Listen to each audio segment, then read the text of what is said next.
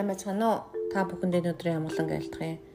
Тэгээд э, энэ удаа та бүхэндээ хийсэн чөлөөлтөй холбоотой нэгэн жишээ ярих гэж бодсон юм. Тэгэхээр би эхлээд Яков 3-ын 6-аас уншиж өглөө. 3-ын 20-оос 10-ыг уншиж ирнэ. Учир нь бид бүгд олон юм дээр бүдэрдэг. Хэрв хэлэх үгэн дээрээ бүдэрдгүй хүн байвал тэр хүн бүх бие хазаарлах чадвартай төгс хүн байна.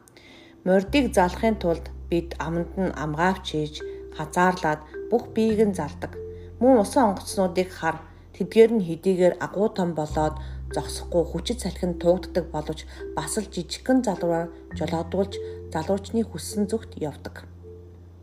Түнчлэн хил ч гэсэн биеийн жижиг эргэтэн атлаа агуу том зүйлсээр сайхдаг ажээ. Харахтун энэ өчүүхэн галч асар их ой модыг төмөрддөг билээ. Хил бол гал бөгөөд хорт муу явдлын ертөнцөж Хил нь бидний эртнүүдийн дунд байж бүх биеийг бозралдаг. Хил бидний амьдралын хүрдийг галдан шатаадаг бөгөөд өөрөө тамаар асаж байдаг.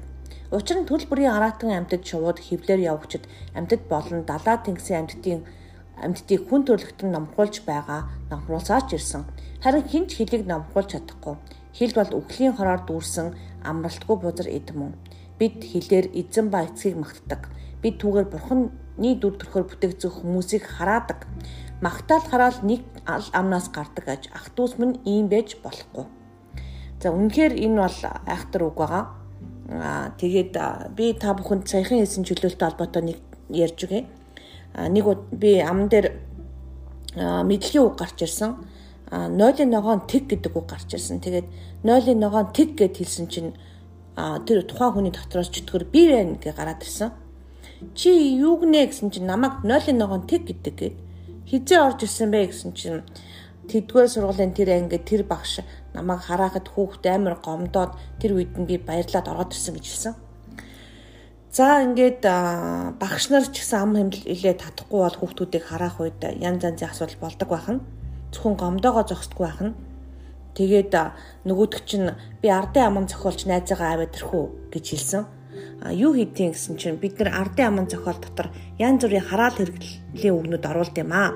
Тэгээд хүмүүс тэрийгэ ардын аман зохиол гэж бодоод зарим үгийг нэгсэндээ бүгд мэдээж биш шүү дээ. Би ардын аман зохиолыг буруутгаагүй шүү. Та нар зөвөр ойлгоорой. Ардын аман зохиол дотор албаар чөтгөр янз бүрийн үгнүүд хийдэг гэж хэлсэн. Тэгээд юу хэлдэг гэсэн чинь эрхийг сурахаар бэрхийг сур Гүй чи сайн л зөв л үг штэ гэсэн чинь оо бэрхийг сур гинөө зовлон өгөх хэрэгтэй байна. Суралцах хэрэгтэй байна зовлонд гэд өгчдөг гэж хэлсэн. Их сансан газар долоо шин хоосон. Ингээд хэлэхээр нь тэр хүнийг хоосруулах ажиллагаанд ордог маа гэж хэлсэн. Өөрөө шийдсэн чулуу өөрийн толгой өөдөө шийдсэн чулуу өөрийн толгой дээр гэж хэлэхээр өөрийгөө харааж байгаа өстэй өөрийнх нь толгой дээр хараал буун гэсэн үг. Өөрөө өөрийгөө хараасан гэсэн үг.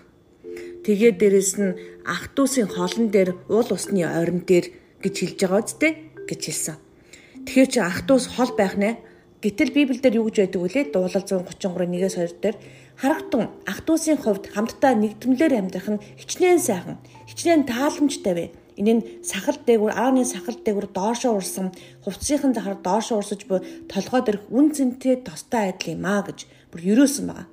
Тэгэхээр яг Библийн эсрэг, үгний эсрэг тийм үгнүүдийг хэлдэг. Тэгээд дээрэс нь ялангуяа аав, ээж ч гэдэм өөрийнх нь одоо эрх мэдлийн хувьд дээгүр хүмүүсээр хүүхдүүдээ нь ялангуяа хараалгадаг байгаа. Бүтлгүй хог, заяагүй хог чи, заяагүй амтэн, аавыгаа дурайсан бүтлгүй амтэн эсвэл ийм байдал шоронгийн хадаас болондоо чи чи гэдэг юм уу одоо хоолны шавхруу идмэр хэмчлэн ийм сонирн байдлаар хүмүүсийг хараадаг байж байгаа.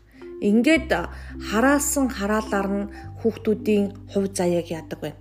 Өөрчилдөг байна. Яагаад гэвэл амаараа бид төр бүхний дүртгөө бүтээгдсэн хүмүүсийг хараадагаа гэж хэлсэн байна. Тэгэхээр бид магтаал хараал нэг л амнаас гарахгүй ийм байж болохгүй гэж Библиэлд бичигдсэн байгаа учраас ялангуяа үр хөвгтэй хань ижлээ хайртай дотны хүмүүсээ харахгүй байх тал дээр маш их анхаараа. А энэ нь болохоор өрөөж явах ёстой шүү намаар. Тэгээд хайл бол хүүхдээ өрөөж байгаараа өө би брок буюу би ингээд бүтлгүй амьд би ингээд дууссан мөнгө дууссан мөнгөгүй хүн штэ ч гэдэг юм уу. Би угаасаа ядуу хог байгаа юм ч гэдэг юм уу. Ян занзын байдлаар өөрийгөө харааж байгаа юмнуудыг би харж исэн. Тэгээ би ч гэсэн бас ер нь л бас анхандаа суралцаагүй байхдаа нилээн тийм байсан. Одоо бол нилээн амнаасаа гарч байгаа үгээ а би ямар ч гэсэн хүүхдээ болон өөрийгөө болон бусдыг харахгүй шүү гэж хичээдэг болсон байгаа. Тэгээд та хичээх юм бол а танд бас боломжгүй зүйл байхгүй. Тэгээ бурхантай хамтарч дараа ариун сүсээ миний хаман дээр манаш тавиараа эзэн минь Тэгээд та миний амаар ярих болтугай, бусдыг өрөөх болтугай, босгон байгуулж урамшуулах болтугай гэж хэлээрээ баярлалаа.